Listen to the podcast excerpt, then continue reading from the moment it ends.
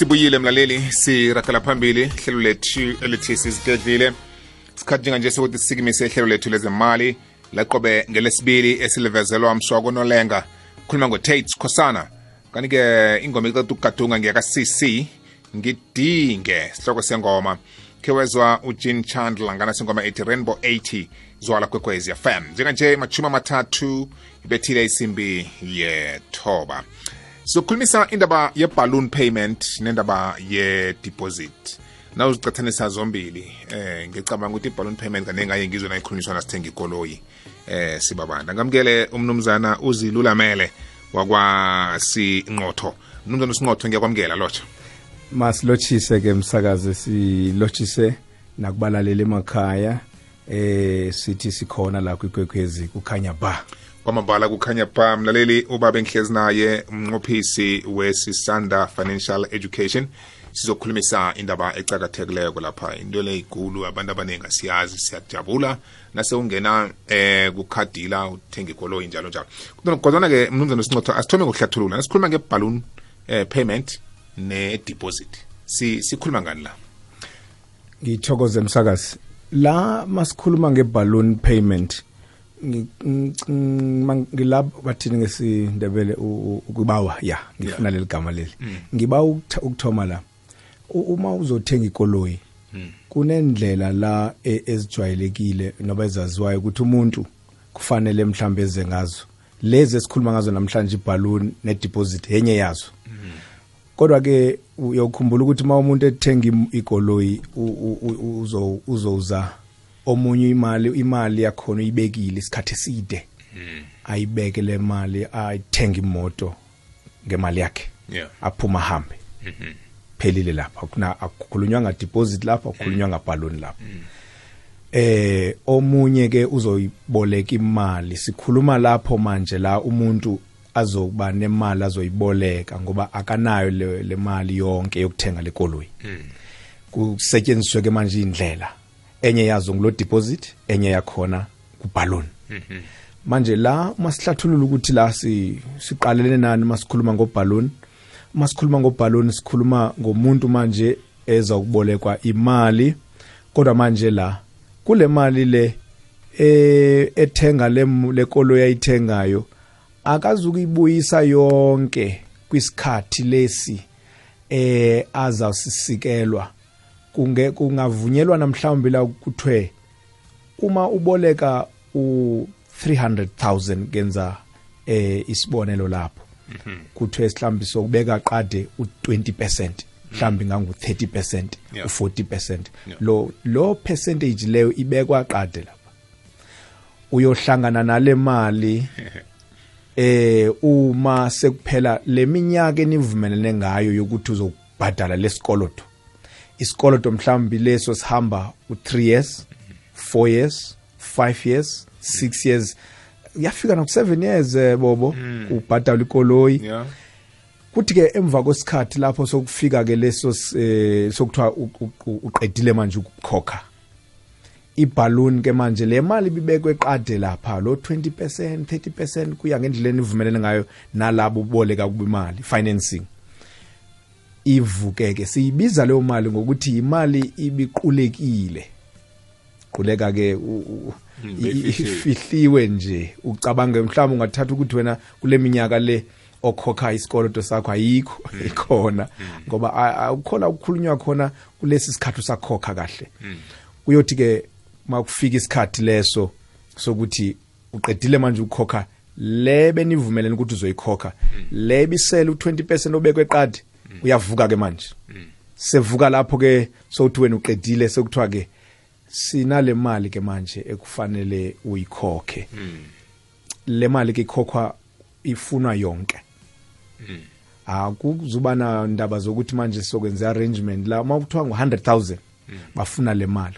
Kodwa ke manje wena ozawubona ukuthi uyithola kanjani le le le ndlela yokuba buyisela le mali sokhuluma mhlawumbe nje basiya phambili ukuthi ke iba ibambi mayifika kuphi ke manje ngoba mayifika lapho manje sezithanda ukuba Nzima. izinto manje kuba budisi lapho abantu manje bangene kwezinye izikoloto sesibili.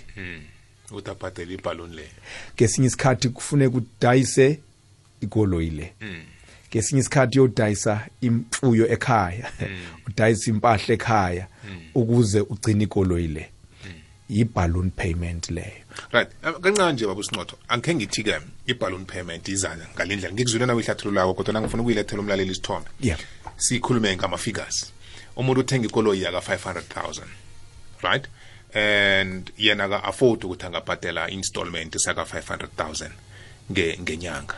And then nabathi bayacala ukuthi nasingafihla 200000 siyenze ibe i-balloon payment. Senze ngathi ayikho.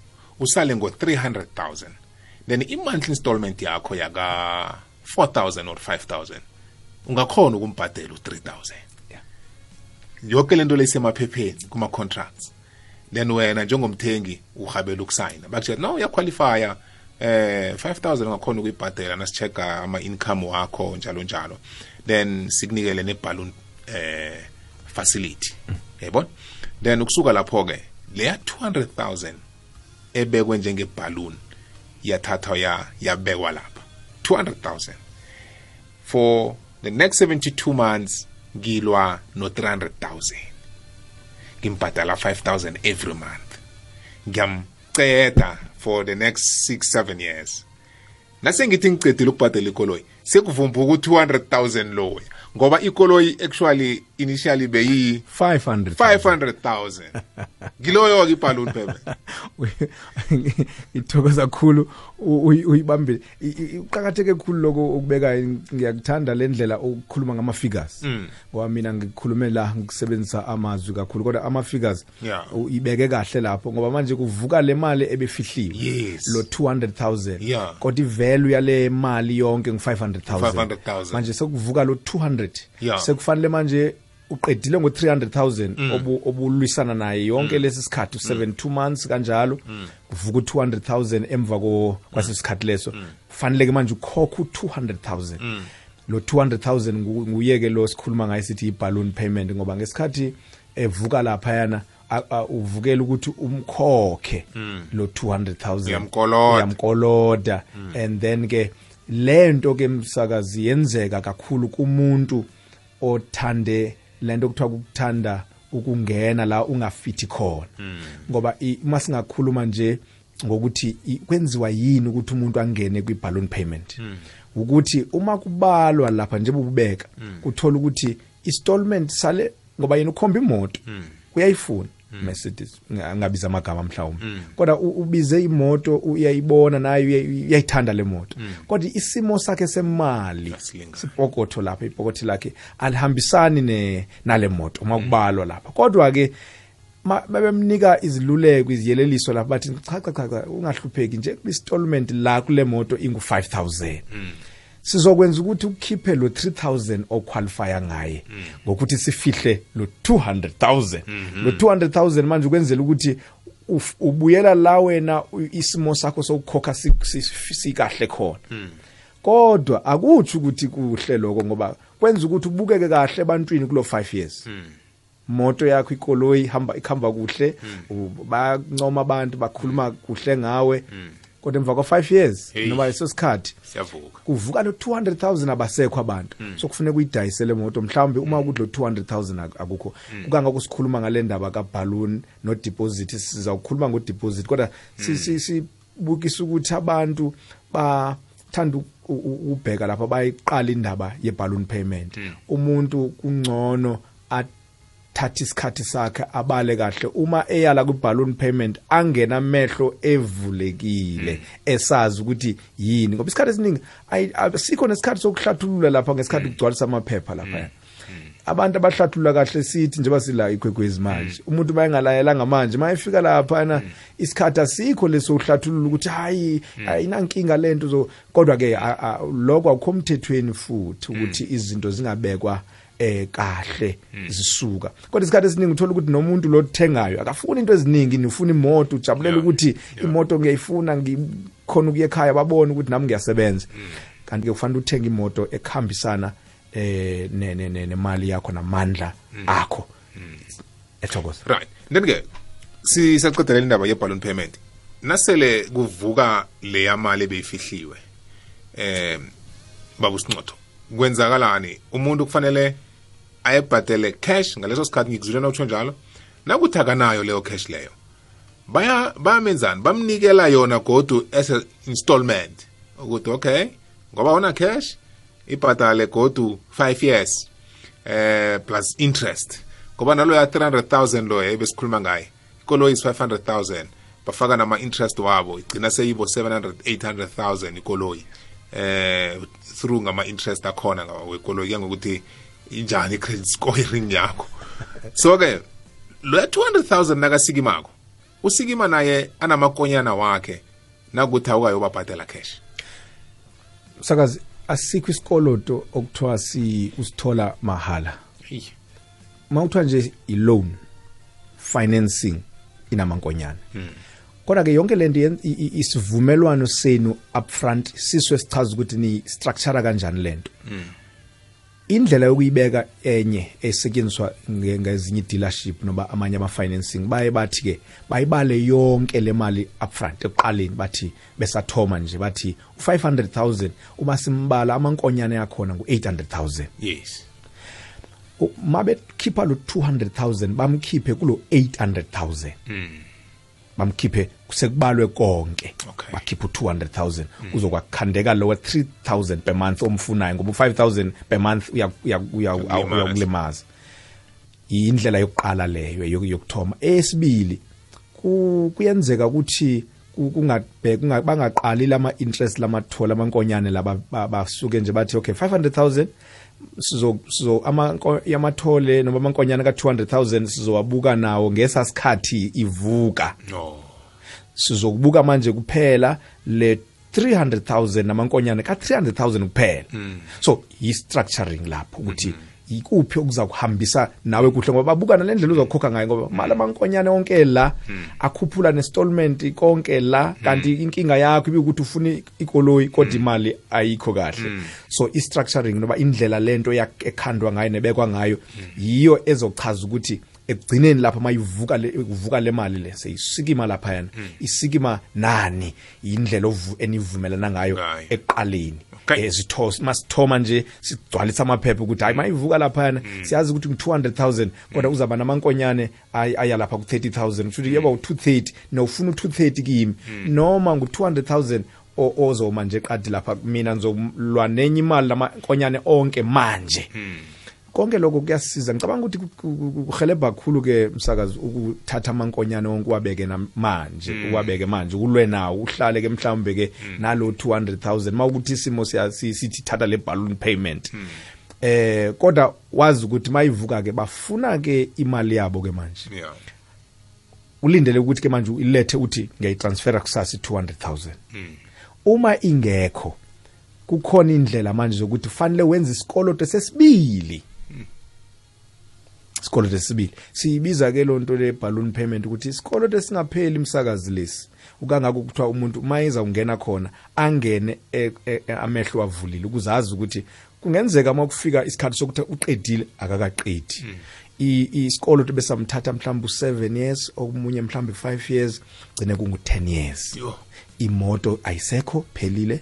Imoto mhlawumbe wayidayisa wenze ukuthi isikoloto siyaqhubeka ngoba ubhizi ngebhaluni imoto sewayidayisa ngapha. isikoloto siyaqhubeka balloon payment.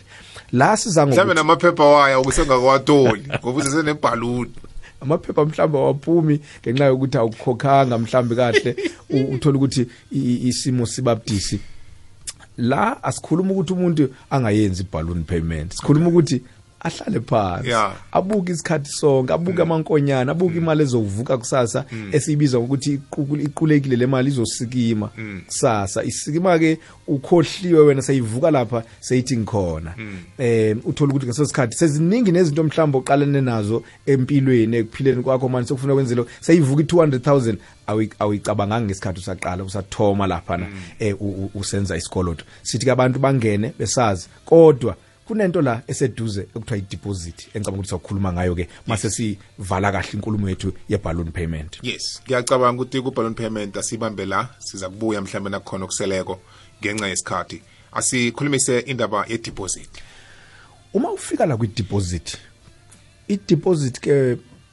manje ikusiza ihelebha kakhulu ngoba yona iqhakathekile i yenza ukuthi manje uh, one uzoyiboleka imali la. Njengalo muntu we balloon payment. Kodwa wena manje uletha eyakho imali. Yokwenza ukuthi lamankonyana afunwa la kule financing kule ndlela le eyakhiwe yokuboleka wena imali yehlisa amankonyana.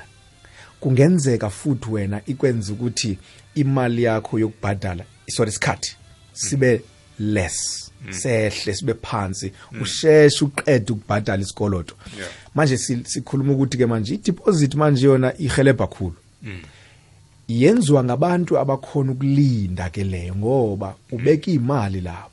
Uyasebenza mhlawumbe usemberegweni uyabeka imali uyabekezela for iminyaka mhlawumbe 2 3 years ungenayo le moto kuthi em- emva kweminyaka emithathu uthi ngiyaya ke lapha uya sokuphethe mhlawumbe kulo 500000 besikhuluma ngawo Yes. uphethe manje u200000 Yes. khumbula omunye yena uthe ngibekele niqade u200000 mina ngiphethe emalini 200. 200000 Yes. laba bantu kuya ngokuhlakanipha manje la omunye ubekezele 3 years omunye akakhonanga kubekezela ufuna imoto manje ufuna ukukhamba naye angene ekhaya manje. Omunye uthe cha ngizokuhamba ngamateksi for 3 years ngibeka imali ngoba ngiyasebenza. Mayibeka phuma lo 200000 usayena lapha. Manje into eyenzekayo lapho uthola ukuthi i-interest njengoba besikhuluma ngo 100 ngo 800000 besenza example lapho.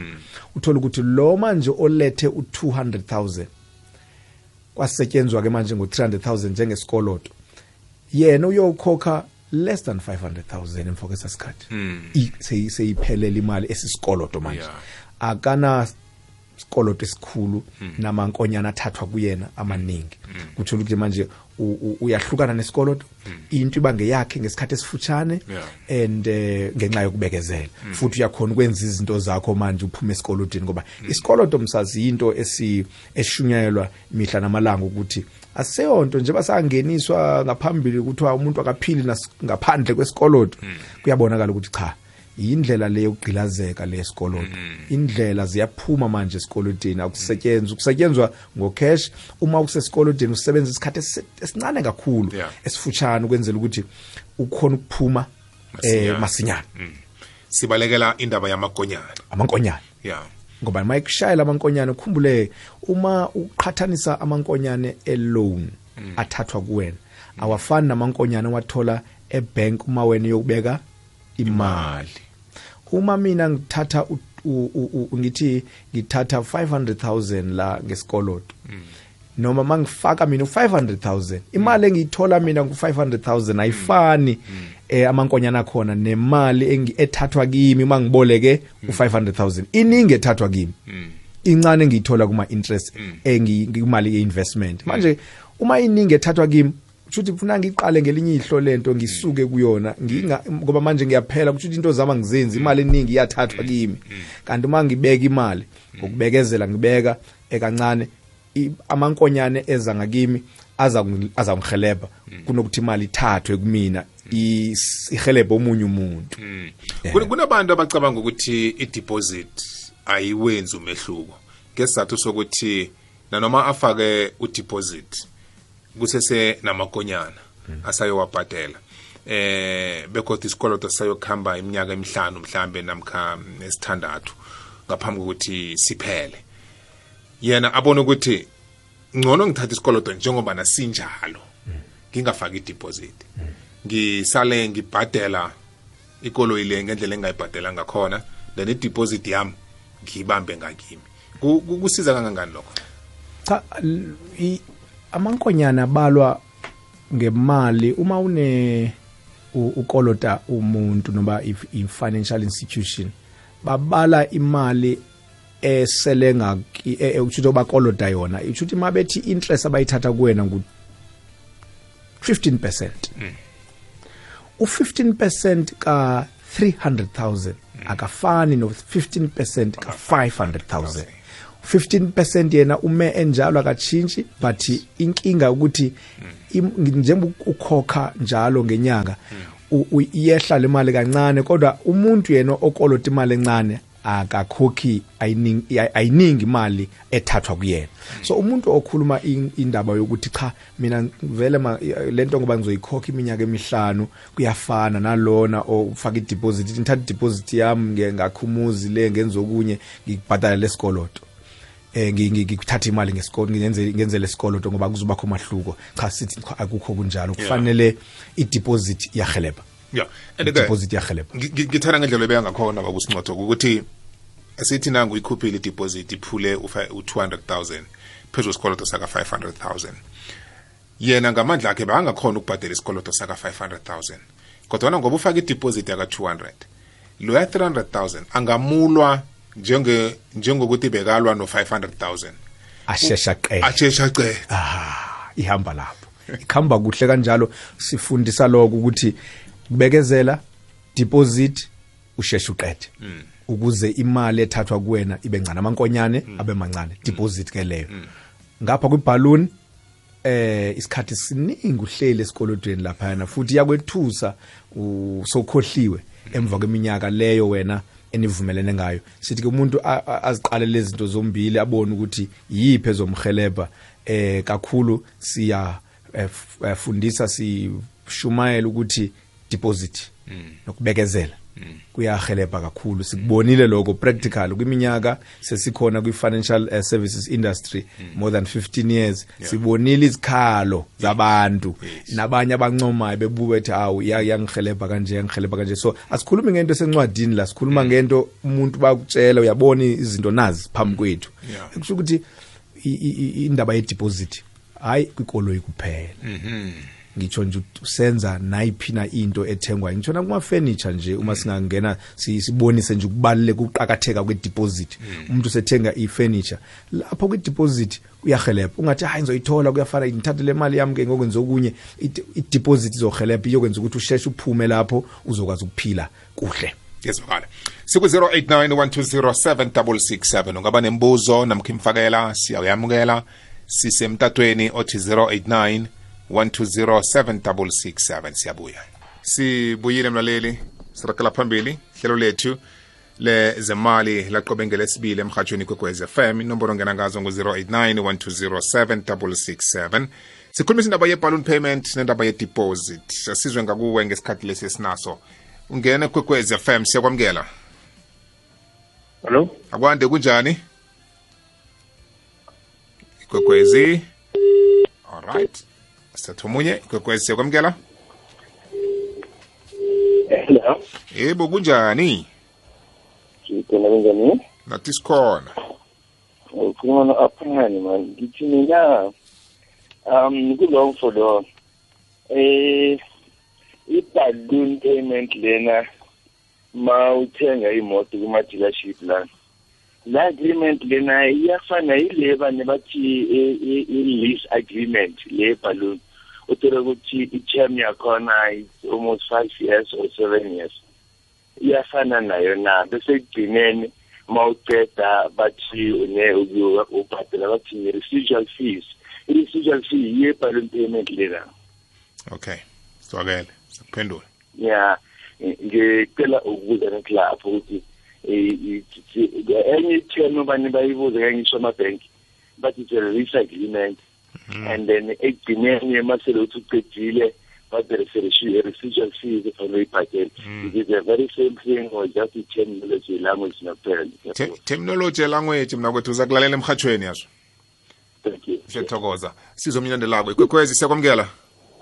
Eh baba bephi? Akwande kunjani? Laphi laphi njani hayi sikhona. Ya. Eh mina ngibuza ngesimo se deposit ifeva u deposita e garage kanti e garage bazo bazokufinance kwenye indawo layo nabayokufinance ngithi i-bank leyo izobe seyolibhadala igarage igama lemoto. And then emva kwaloko wena manje kodwa ngapha egarage ubhadale i-deposit. And then bona manje nasebakufinansa ngale. Le mali odiposite ngayo ngapha iyaya ngale kufinance yakho noma kanjani? Okay umbuzo ozwakele. Okay uma siyathokoza nodobatoba isikhumba okay alright ube nobusuku obumnandi. Anginikele ubaba usinqotho akwazi ukusiphendulela indaba ye-balloon payment eh, kusetshenziswa i-terminology eningi la. Abanye bathi lease agreement abanye bathi residual fee eh abanye bathi balloon payment. Into yinye le or into eziningi ezihlukileko la.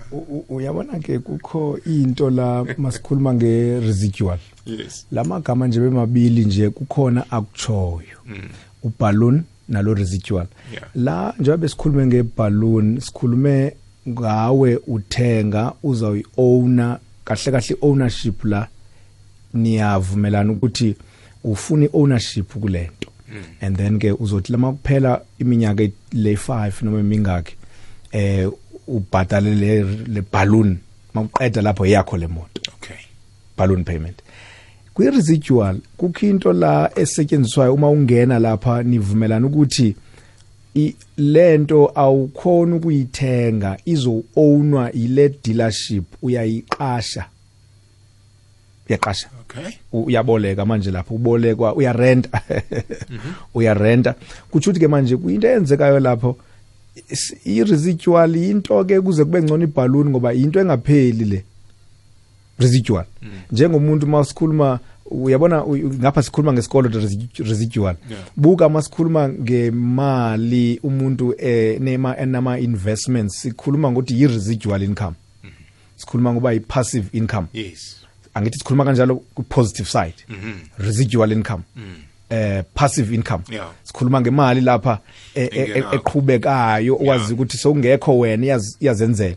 Residual ngakwi loan la khona manje eh uthola i- ibank iku- ikuboleka im- imoto iboleka wena imoto. Wena urenta kubona le moto ayi-ownwa nguwe.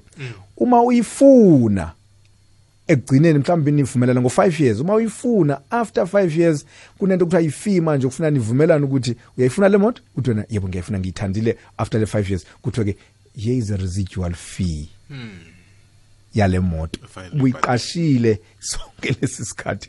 Uthi abanye bayibuyisela ke emva kwele 5 years abanye ke bayayibhadala le fee. Kuyi- im- ifike yemoto khumbula imoto nje isikhathi sihamba iya iyehla isikha- ilento khona ivalue. If imoto ibingu ngesikhathi uyirenta ngesikhathi uyikhipha lapha eFlorida ubhadala le rent nivumelene ngayo sonke lesi sikhathi.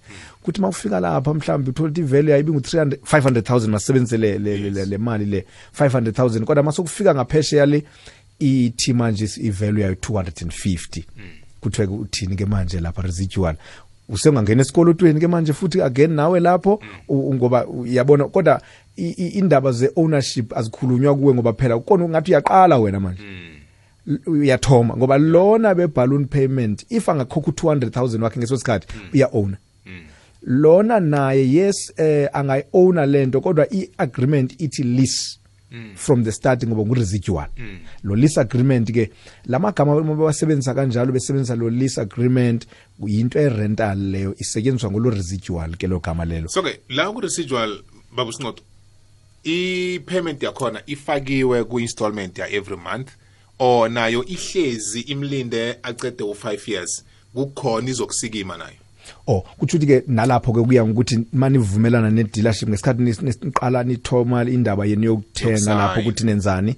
Athi umuntu cha angithi lento yonke ihamba nempokotho yomuntu ukuthi uzo- u- u- kuzokuphakama masenza kanje kuzokusezansi masenza kanje. U- une choice lapho yokuthi ungabuka ukuthi wena uzokwenza kanjani Yeah. ngokuthi lento ukuze la egcineni mangifuna manje uku- le fee ukuze ingabi phezulu makube khona okunye engikukhokha manje Nga- akuvalelekile ukuthi umuntu mayefuna ukukhokha manje uthi angeke ukhokhe manje Yes. sokubona ngaphesheya Yeah.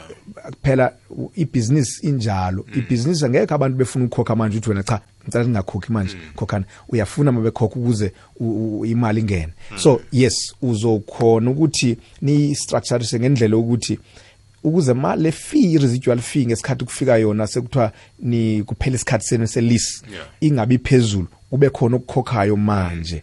Eh abanye ke bangakwenzi ngenxa yokuthi ivalue yemoto azifani lezi moto ezinye zihlaka kakhulu ivalue enye ivalue ayehli azifani imoto. Kuya ngokuthi le moto ikwi demand kangakanani eh, yabona uthola ukuthi ivalue yemoto ihleli nje ayi- ayikhambi. Lezo moto ke kufanele uqala ukhokhe sisasuka ngoba isikoloto sakhona sizoba phezulu phanga phezulu ngoba ungathembele ekuthini isikoloto sizoba phansi. Yeah. ngoba i- imoto leyo ikwi-demand kakhulu i- i- i- kutsho ukuthi i- Iyathengisa. iyathengisa. Kanti uma u- imoto mhlawumbe is- baza kutshela nabo bathi hayi i-value singahlangana nayo mhlawumbe emva ko-five years seyila ubone ukuthi ungenza kanjani. So niyakwazi uyirestructurisha niyibuke nikwazi ukuthi nilungise indaba le- yale fee ngaphesheya. Ukuze le ma ufuna uvala le lease le moto ufuna uyibuyisela or ufuna mhlawumbe ukuyithatha ibe nga- ngakuwe ubhatala le residual fee phuma kuwe. Ya ngame amagama egcineni baletha uballoon payment lease agreement residual fee ukwenzela ukuthi ukwazi ukuthi u-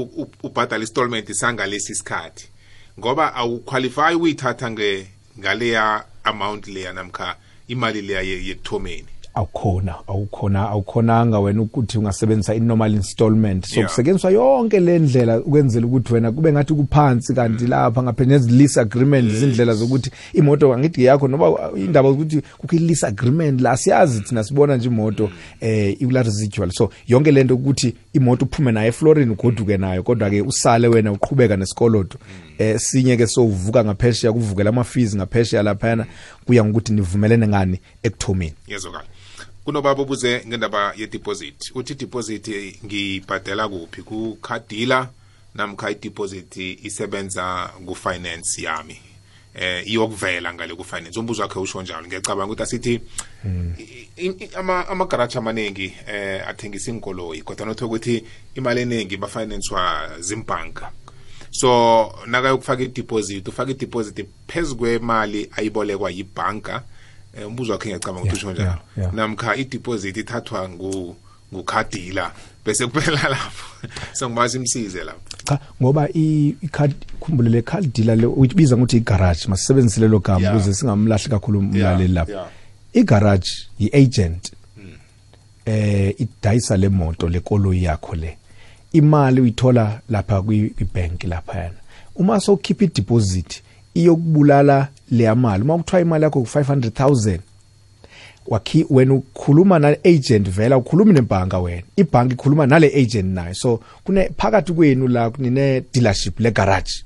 So imali yakho i- i- uyingenisa la egarage kodwa la iyakhona iya lapha ebank ibank mayikhuluma nawe ikhuluma ngale dealership ngesikhathi nisalungisa amaphepha. Kodwa mase niqhubeka ne- ne- ne- ne- nokukhuluma ethubeni niz- uzokhona ukuyazi ibank oyifinansayo nekwenzela konke. Kodwa ngesikhathi kusakhulunywa awuyi director awuyi straight le agent noma le dealership le garage yiyo e- e- ewuhelebhayo laphayana so imali yakho ye-deposit vele iya lapha. Uma kuthiwa iyanga laphayana akukho mthethweni lokhu intshontshiwe leyo mali.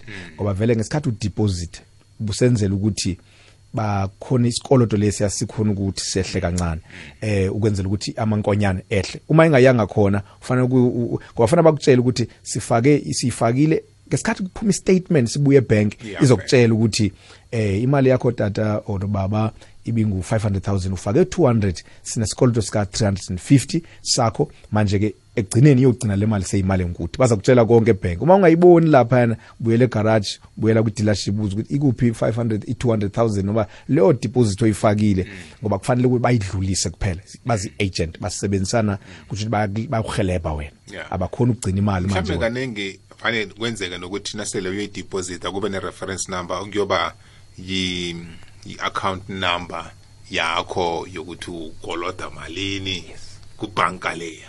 Izinto ezibonisayo ukuthi imali uyishiyile lapha ubanikezile and then ke nje bakusokuvunyelana ukuthi le bank ikuvumile ukuthi izokuboleka imali imali engaka i-deposit. Yonke lento uma uphuma la uma ukuthi babethe transfer namhlanje kibo uphume nezi- ne-receipts ngoba lilungelo lakho nje basikhuluma ngenyanga yamalungelo. Ilungelo ukuthi ungaphuma ungaphethe into etshoyo ukuthi ushiye imali e- e- e- engangani la. Eh ukwenzela ukuthi kusasa bakwazi uhelebha ngoba noma ungenalutho e- ebonisayo ukuthi kunama receipt nento ezichazayo ukuthi kwenze njani kusasa mhlawumbe ngoba nenkinga. Unganikeza umuntu esandleni athi ikuphi cash eh uyikhiphe cash imali uyishiye lapho. Kusasa athi angiyazi. Athi angisebenzi nokusebenza la. Right. Eh baba sinqotho asisonke sivale siphelelwe isikhathi ngamaphuzu ecelathekeleko kwamambala siyathokoza kubalaleli nakwikwekwezi FM sithi kukhanya ba siyabonga. Kuthokoza thina kubaba usinqotho mlaleli besihlezi naye. Hlelo lethu elivezwe ngutate khosana khonokho umdlalo wethu womoya. Wayihlaba